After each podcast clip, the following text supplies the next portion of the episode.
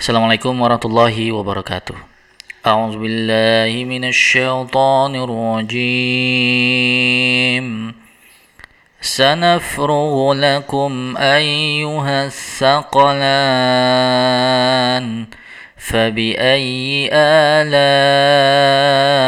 ربكما تكذبان يا معشر الجن والإنس إن استطعتم أن تنفذوا من أقطار السماوات والأرض إن استطعتم أن تنفذوا من أقطار السماوات والأرض فانفذوا. لا تنفذون إلا بسلطان. فبأي آلاء ربكما تكذبان صدق الله العظيم رب اشرح لي صدري ويسر لي أمري واحلل عقدة من لساني يفقه قولي ثم أما بعد Pada kesempatan kali ini saya akan berbagi kepada Anda semua sebuah gambaran kecil hari pengadilan dari surah Ar-Rahman. Dan surah Ar-Rahman adalah salah satu nama yang indah dan mulia dari sekian nama-nama indah Allah Azza wa Jalla yang merujuk kepada sifatnya yang penyayang, peduli, dan penuh kasih. Segala yang Allah berikan kepada kita tanpa berharap kepada kita balasannya. Biasanya, jika seseorang memberi kepada kita, ia mengharapkan balasan atau imbalan. Bahkan orang tua sekalipun tanpa berkata kepada Anda pun tentu ia sangat berharap kepada Anda balasan berupa cinta, penghormatan, dan kasih sayang dari Anda anaknya. Namun Allah jika memberi sesuatu, dia hanya memberi dan memberi tanpa menuntut apa-apa dari kita. Walaupun orang tersebut termasuk orang-orang yang tidak peduli kepadanya bahkan justru mengutuk Allah dalam hidupnya dan tidak pernah berterima kasih sedikit pun kepadanya. Namun Allah masih memberikan udara segar kepadanya, membiarkan detak jantung masih bekerja dengan normal kepadanya. Bagi anak-anak muda, ada masanya ketika mereka mulai mencari jati diri mereka sampai pada tingkatan mulai membandingkan diri mereka dengan orang lain. Kadang merasa ia tidak memiliki apa yang orang punya. Merasa handphonenya sudah ketinggalan zaman, baju yang ia kenakan sudah tidak populer. Pada titik ini, sangat berat bagi dirinya untuk bersyukur terhadap apa yang dimilikinya. Sangat berat bagi dirinya untuk berpikir bahwa Allah telah memberikan begitu banyak nikmat untuk dirinya. Wa in ta'uddu ni'matallahi la tuhsuha. Dan jika kalian menghitung nikmat-nikmat Allah, tentu kalian tidak akan sanggup menghitungnya. Karena waktunya dihabiskan untuk memikirkan sesuatu yang tidak dimilikinya. Inilah pintu pertama yang secara tidak sadar dimasuki oleh orang yang mulai tidak bersyukur. Orang yang tidak bersyukur itu bukanlah orang yang berkata saya tidak bersyukur, namun ia dimulai dari kesibukan pikiran bahwa dia belum memiliki apa yang orang lain miliki.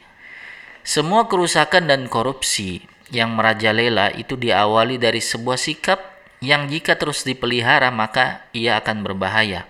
Apa itu? Yaitu keserakahan.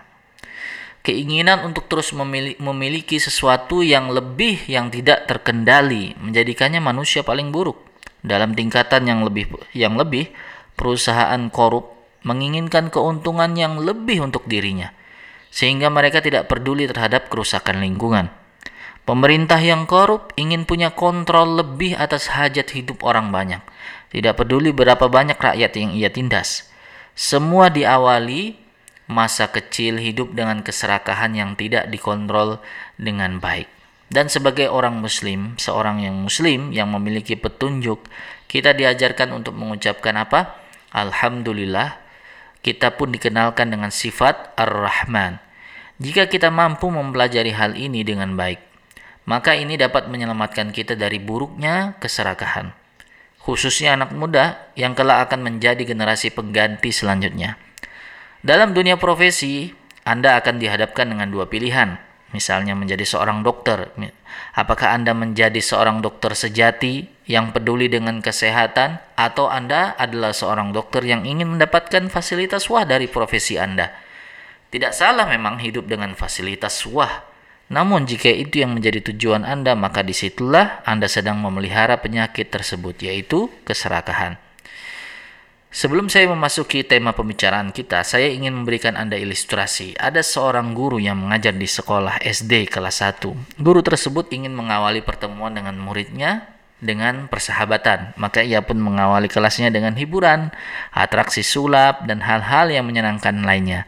Ia pun melakukan hal tadi di hari pertama, hari kedua, dan ketiga. Sampai pada hari selanjutnya, ia mencoba untuk memberikan pelajaran.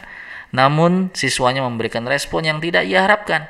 Semua siswanya menginginkan ribut dengan aktivitasnya masing-masing sampai ada satu siswa yang mencoret-coret dinding kelas dengan namanya. Melihat hal itu akhirnya gurunya tadi, gurunya tadi memanggil nama siswa tersebut dengan tegas dan mengatakan di depan kelas untuk menemuinya di kantor setelah pelajaran selesai.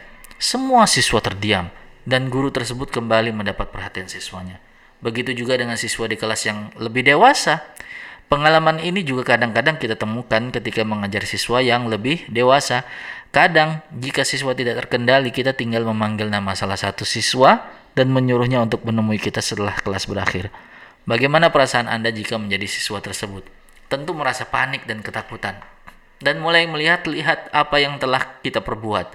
Situasi berubah menjadi mencekam, penuh kekhawatiran, dan seterusnya. Ketika seseorang memilih menjadi orang yang kufur atau tidak bersyukur dan menganggap bahwa ia tidak akan bermasalah dengan Tuhannya, seperti siswa yang berlindung di balik kerumunan masalah karena tidak mungkin gurunya memeriksa satu persatu, maka ingatlah firman Allah Subhanahu wa taala, "Sanafrughu lakum ayyuhas saqalan." Kelak kami akan memperhatikanmu sepenuhnya kami akan meluangkan waktu untuk memeriksa kalian, wahai kerumunan jin dan manusia. Fabi ayyi ala rabbikuma tukadziban.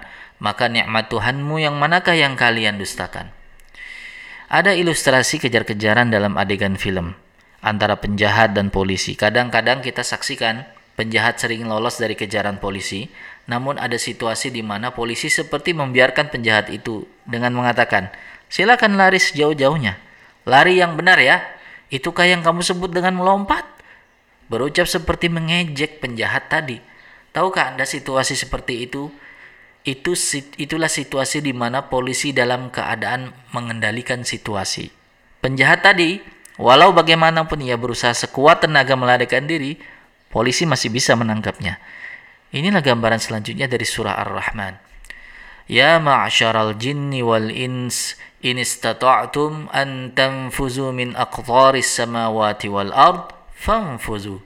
La tanfuzuna illa bisultan.